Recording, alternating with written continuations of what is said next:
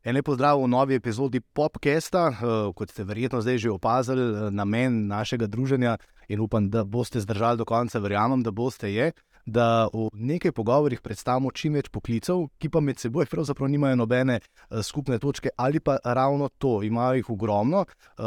Veliko je povpraševanja po teh poklicih, zanimanja pa zaenkrat premalo, kljub temu, da menda pa eh, službo zelo lahko dobiš. Zato bomo v nekaj teh minutah eh, z današnjima gostoma poskušali odgovoriti, eh, kaj ju je pripeljalo v to službo, kako je biti, no se boste videli kaj, in predvsem, kako tudi služba v bistvu postane del življenja. En lep pozdrav obema. Lep pozdrav. Vojak in duhovnik. Tako. A je nenavadna kombinacija najbolj nenavadna, ali se da še kaj bolj? Ja, zanimivo. Zanimiva kombinacija. Poznam pa kar nekaj svetnikov, ki so na začetku želeli biti vojaki, pa so potem se odločili za drugačen duhovniški poklic. Tako da je nekaj povezave, gotovo tukaj tudi že v preteklosti na vzočih zdaj. Pa tudi v vojski, če se ne motim, ne imate duhovnike. Ja, tudi mi imamo duhovno skrbo, Um, pa se tudi eh, naši vojaki, vojaki ne udeležujejo včasih kakšne maše, pa tudi v tujini to obstaja. Tuda. Pa oba sta morala priti danes v uniformi. Eh, če lahko, bi vaju prosil, če se lahko krtikamo, se mi zdi, da sta oba mlada eh, in bomo tako tudi lažje nadaljevali tale pogovor. Pa morda, če začnemo kar pri tebi, prosim, predstavi se, povej, kakšen je torej tvoj poklic. Torej, sem Petr Čemažar, sem duhovnik katoliške cerkve, trenutno pa službujem v Zavodu svetega Stanislava, kjer sem kaplan v Igličevem diaškem domu. Torej, to je katoliška ustanova, ki ima svojo gimnazijo, diaški dom, sredn, a, osnovno šolo, vrtec, a, glasbeno šolo in dijaki imajo tam na razpolago tudi duhovnika za duhovno skrbo. Moje delo je, da sem dijakom trenutno na voljo za pogovor, za spoved, hkrati vodim tudi duhovne obnove, vsak kar nekaj vikendov v letu. V gimnaziji pa poučujem tudi predmet vere in kulture, predmet, pri katerem spoznavajo najprej katoliško vero, potem tudi druge vere, kulture, in tako rastejo tudi v neki razgledanosti, tako na duhovnem kot kulturnem področju. O starosti se bom še eh, vrnil, ker dava še, seveda, prej prednost Blažu, Blaž izvoli. Uh, sem višvodnik Marin Blaž, prihajam iz obveščevalne zvidniške čete, moja funkcija je pa poveljnik uh, oddelka brezpilotnih letal, sem pa tudi inštruktor za brezpilotne letalnike. Hm oba sta poklica prihodnosti, pa ne se to sliši že tako nenavadno. Uh, ljudje se staramo in če ne drugače, saj tam proti koncu pravijo, vedno potrebujemo uh, nekaj, da se ali spovemo za vse tiste stvari, ki smo jih naredili uh, na robe. Pa zdaj z vojno v Ukrajini še bolj razumemo, da je tudi varnost ena izmed najpomembnejših stvari. Ampak da gremo morda nazaj, Peter, koliko ste stari, oziroma koliko si star? Star sem 26 let, uh, duhovnik sem postal pred dobrim letom in pol. Uh, tako, ja, pri petih letih. To je poklic, uh, se mi zdi, da ima slovenščina tako lep izraz za to, ker je poklic kot neka poklicanost in res se v ta poklic čutim, poklicanega in je hkrati na nek način tudi življenjska izbira. Tako kot je nekemu možu življenjska izbira to, da bo zvest svoji ženi uh, do konca življenja, tako je na nek način tudi moja odločitev, ne le odločitev za pet let, ampak odločitev za celo življenje. Daskrat se duhovniki med seboj radi bohecamo, da mi ne gremo v penzijo. Zakaj? Zaradi tega, ker običajno vidimo tudi tisti duhovniki, ko na nek način sicer dopolnimo 40 let delovne dobe, pa še vse naprej opravljamo čist isto funkcijo, dokler zmoremo. Tako da gre res za neko življenjsko poslanstvo. Tako kot se mati ne upokoji, ampak je vedno mati, se tudi duhovnik ne upokoji. V vojski pa je malo drugače. E, če že zdaj govorimo o tem, kaj prinese poklic, ki ga tukaj predstavljata, e, do katerega leta se torej zdaj v vojski dela? Uh, zdaj so, včasih je bilo do 45, normalni vojaki, um, počasniki do 55, zdaj so pa malo povečali to. No? Tudi možnost je zdaj, če dopolniš starost 45 let, oziroma 50, koliko je za vojake, um, se zdaj da najti pač drugo službo v vem, smislu vojaškega uslužbenca ali pa ne vem, kakšne podobne. Nisi torej mladi upokojenec v dobrej formi. Uh, že sem, te ne, služba te ne zapusti zdaj, kako, ampak ti res probajo pomagati. Uh, je rekel uh, Peter, da, poklic, da si poklican, da si tudi ti čutil ta klic, da bi bil vojak. Ja, jaz, ki sem bil kot mlad, jaz sem vedno imel neke puške, pištole, to je še kot otrok. Potem sem pač delal nek slu, um, študentska dela in ne vem kaj. En, pri 22 letih sem se pa res, zdaj moram pa jaz nek, nekaj najti, neko kariero. In pač sem videl tudi takrat eno glas, da je tole, tole pa jaz moram imeti. Zdaj, z vojno v Ukrajini se je vse spremenilo, kar naenkrat imamo v Evropi znova vojno na naših tleh, pa smo mislili, da je stara celina to zdaj prebolela z vojno v Bosni in Hercegovini, v Srbiji in o, na Kosovem. Se ti zdi, da je zdaj več zanimanja za ta poklic v Sloveniji v zadnjem letu in zakaj ne? Medijsko se mi zdi, da je precej več izpostavljeno, tudi se mi zdi, da finance se da lažje zagotoviti z nas in vse. Glede zanimanja za vojsko, pa hm, ne bi vedel, če je jih več zanimanj zaradi tega. Hm, težko odgovorim na to. No? Ja, e, iščejo veliko, zato sem tudi povabil takšne poklice. Vsak, ki bi se danes odločil, da bi bil vojak ali pa vojakinja ne, um, in opravil urjenje, bi službo takoj dobil. No. Tako da mislim, da za mlade, bi, če jih to seveda zanima, uh, bil dober poklic in enako velja tudi za duhovnika, če se ne motim. Ne. Vsak, ki dobi ta klic, duhovnikov je v Sloveniji res premalo. Ne. Res je, ni pa nujno, da vsak, ki na nek način začuti, ki vstopi v semenišče. Mm na nek način, ko vstopi v to vzgojo za uh, duhovnika, ni nujno, da potem tudi bo duhovnik. Mu da na nek način crkva in ta um, izobraževanje in hkrati vzgoja tudi en velik čas za premislek, če je to res njegova pot, ker na nek način pa ta pot terja od tebe tudi hkrati nekaj odpovedi. In terja od tebe odločitev, da boš to postal za celo življenje. In zato je hkrati tako veliko povdarka tudi na tem, da gre za en velik odločilen premislek o tem, ali si ti za to ali ne. In hkrati, če si pripravljen in na nek način, če si primeren. Hm. Eh, omenil si pot, eh, ali lahko vprašam zdaj, glede teološke fakultete. Eh, v Sloveniji imamo veliko fakultet, ena izmed njih je teološka fakulteta, ki pa že vse čas velja za eno najtežjih, pa tudi takšno, ki ti da največjo širino. Eh, kako težko je in kaj vse ti torej res ta teološka fakulteta, razen vem, stare grščine, pa latinščine, ponudila.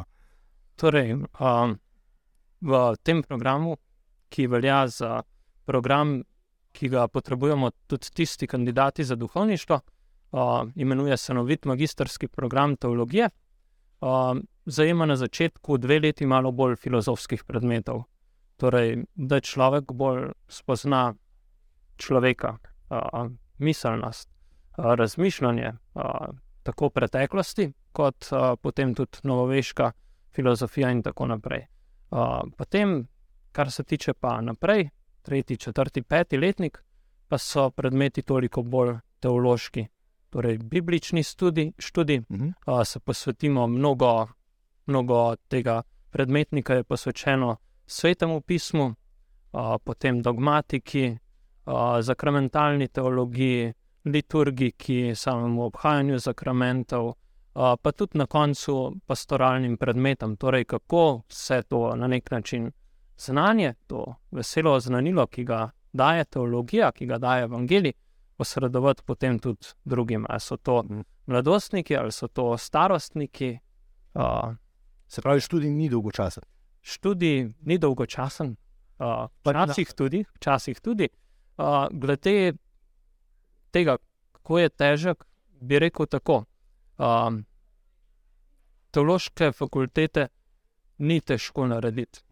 Ima pa brezmejno polje kamor se človek vedno znova poglablja, vedno znova vstopa, uh, temu pa ni konca. Ne? Ima neprostrane širine in globine, kamor človek lahko uh, v teologijo vstopa in raziskuje, uh, poglablja svojega duha, poglablja svoje znanje, uh, uvid v človeka, v odnose, predvsem uh, tudi to, kar so nam vse generacije doslej posredovali tudi o Bogu. Hm? Blaž, kako pa je z izobrazbo in potrebnostjo leti, da postaneš vojak in da potem tudi napreduješ na položaj, ki ga zdaj samo upravljaš? Naprimer? Da nisi le navaden vojak. Ja, potrebna je četrta stopnja izobrazbe hm? za vojaka, zdaj za karkoli več, za napredovanje v poddesetnika se še da z četrto stopnjo, za karkoli več uh, v vojaških činjih ali pa potem počasniški činji, kot je moj, uh, je pa treba vsaj peta stopnja izobrazbe. Um, zdaj za više čine od počasnikov, oziroma za častnike, je pa treba fakultetna izobrazba ali pa mislim, da šesta stopnja izobrazbe za določene čine. Te izobražujejo potem tudi v vojski, to pomeni, da imaš tam na voljo tečaje, s katerimi potem napreduješ in tako naprej. Ja, zdaj, če, če imaš uh, stopnjo izobrazbe dovolj visoko, če pokažeš znanje, zainteresiranost.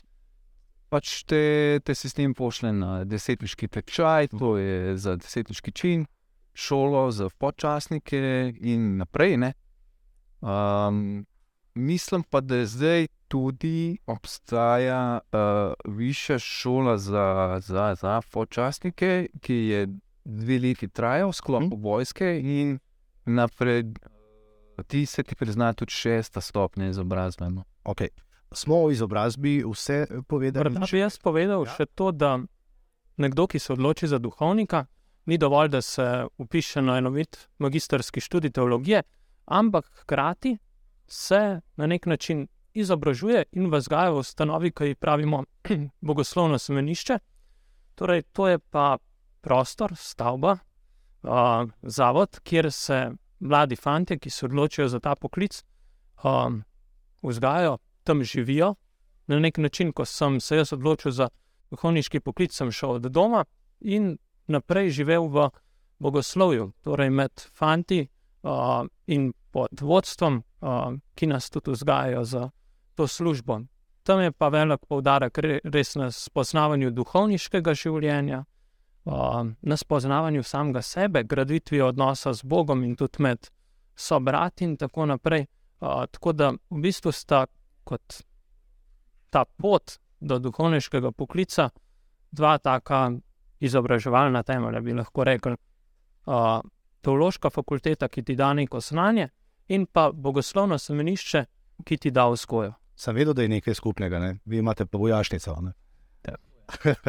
Okay, zdaj smo obdelali ta izobraževalni vidik, zdaj pa morda tisti, ki se odločijo za ta poklic ali pa so poklicani. Um, za mlade je zelo pomembno, da lahko tudi napredujejo, ne, da lahko vidijo, kam ta pot gre.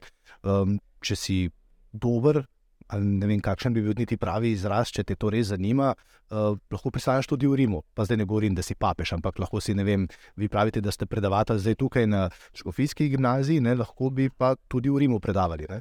Najprej bi rekel, da poklicanost duhovnika ni v njegovi karieri. Uh mhm. -huh.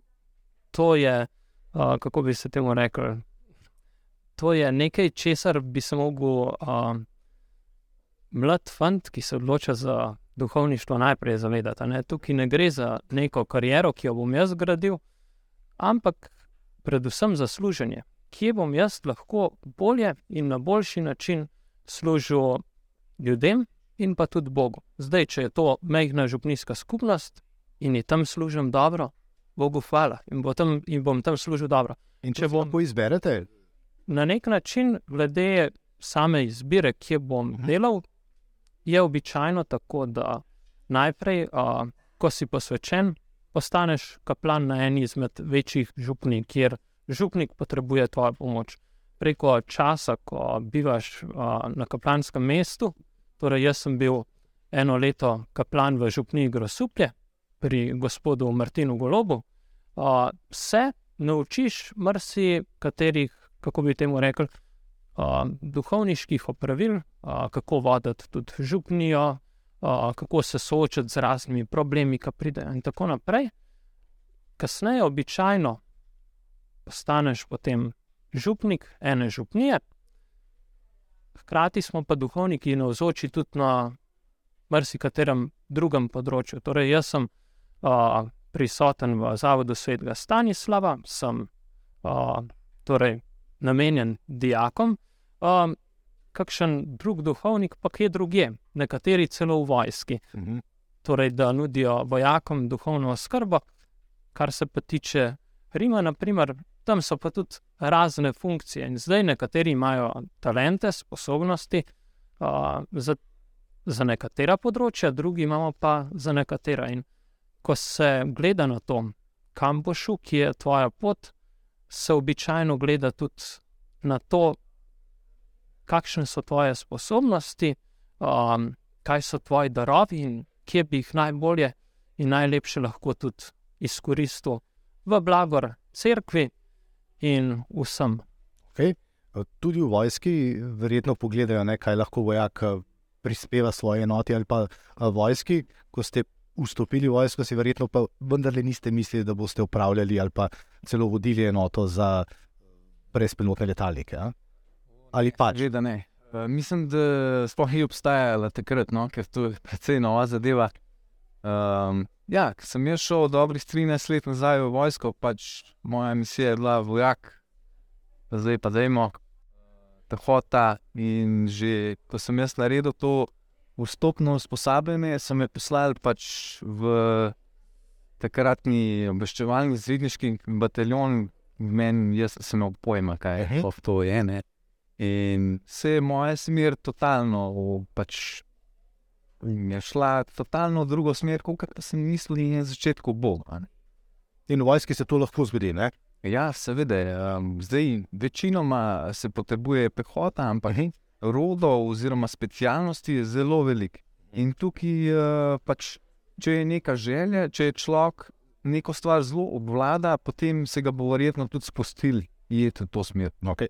Eh, Pri plači smo zdaj, ker seveda je tudi to pomembna stvar za mlade, ko se odločajo o svojem poklicu. Eh, Če smo zdaj prej odgovorili, da si lahko to celo življenje, tako vojak kot duhovnik, eh, kakšno plačo ima duhovnik? Torej, duhovnik v Sloveniji živi od darov vernikov. Dar vernika za duhovnika je v bistvu na dnevni ravni gledano, prejme dar za sveta Maša, kar je trenutno 23 evrov.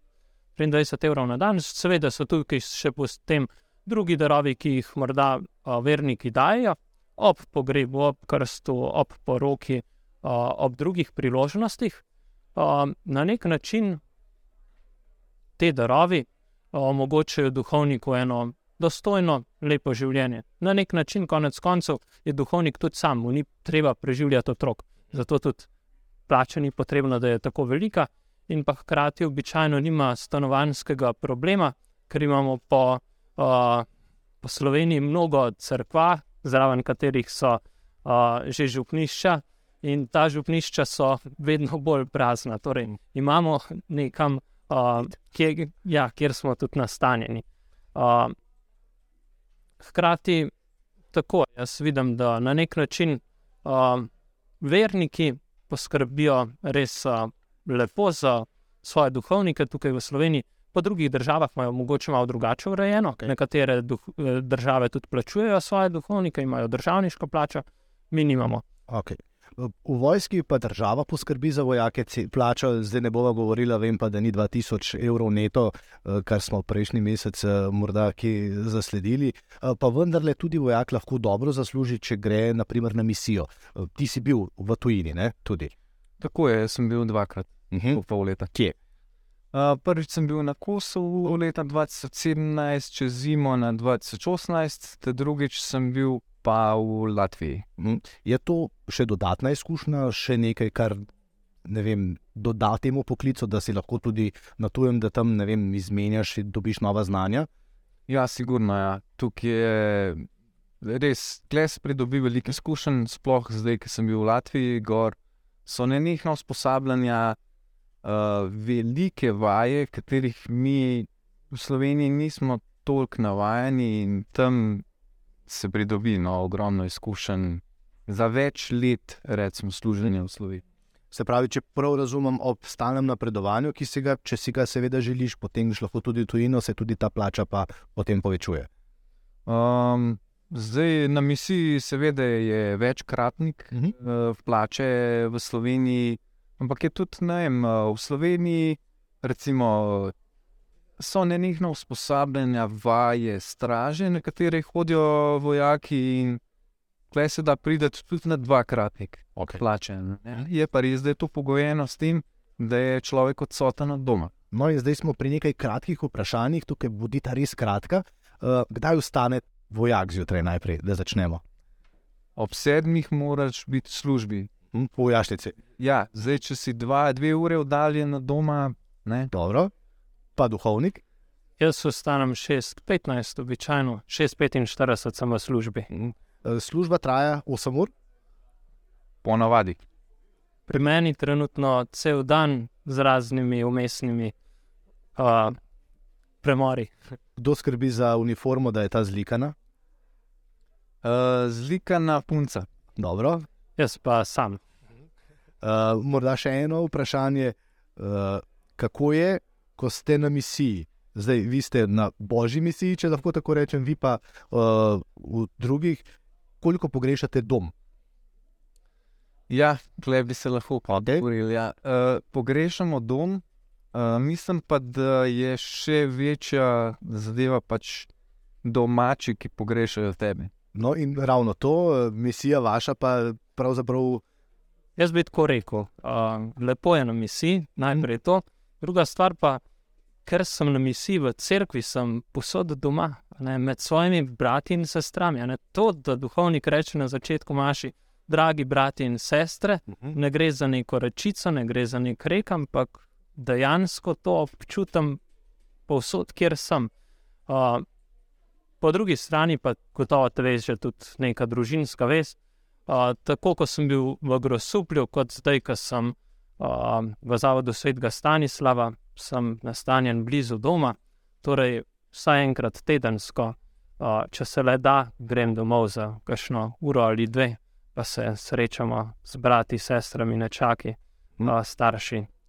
No, eh, povabil sem vaju vsem zato, da v bistvu spregovorite o sebi, pa o vajnem poklicu, o poklicanosti, uh, ker je premalo mladih deklet in fantov, ki bi se odločili za ta poklic. Morda za konec, uh, kaj bi jim ti, Blaž, rekel, tistim, ki še kolebajo med tem, da bi pa morda šli pa v vojsko. Ja, uh, pejte saj probat, uh, noben vas ne bo. Uh, Pač na koncu lahko pač rečete, to ni za me. Um, boste pa sigurno občutili neko povezanost z ostalimi kandidati, ki boste tam neka timski duh, pripadnost, mogoče kanček ponižnosti, ki ga boste nesli pol v naslednjo službo ali pa pač vojsko, če boste zbrali. Um, ni slaba stvar, in mnogi so pohvalili, mnogi mladi, ki sem z njimi govoril, so zelo pohvalili, da so pač dali to čez. Peter, kot da bi vi tole rekli zdaj, ne skoraj isto. Sem hotel ravno to reči. zelo strinjam s tem, kar je rekel Blaž, tudi za duhovniški poklic. Hkrati pa iz svoje izkušnje vem, da gotovo, gotovo, kar še en mlad fant, tudi ki zdaj le tole posluša, premišljuje o tem poklicu in ga je morda strah. Kaj bodo rekli doma, kaj bodo rekli šolci, kaj bodo rekli drugi, a je to res za me. Uh, in takemu bi rekel samo pogum. Naj ima pogum, uh, to je čudovit poklic, hkrati pa tudi, ko se enkrat odločiš, da boš stopil na to pot, imaš še vedno mnogo možnosti in časa za premislek, kaj je to, to če te pa nekaj kliče tja, pa le pogumno. Škoda bi bilo ne poskusiti. Hvala lepa obema, da sta prišla, da sta si vzela čas. Uh, upam, da sta odgovorila na kakšno vprašanje ali pa pripričala koga, ki koleba med tem, uh, ali bi prišel v vaše vrste, se mi zdi, da tako lahko rečemo. Ne? Najlepša hvala tudi tebi za povabilo in za pogovor. A imate morda še kakšno vprašanje ja, za drugega? Poži pol. Hvala lepa, odlično. Hvala. Hvala. hvala. Tako, mi pa se vidimo v naslednji epizodi z dvema novima, popolnoma različnima poklicama, pa vendarle zelo iskanima, ampak se boste videli, ko se vidimo. Nasvidenje.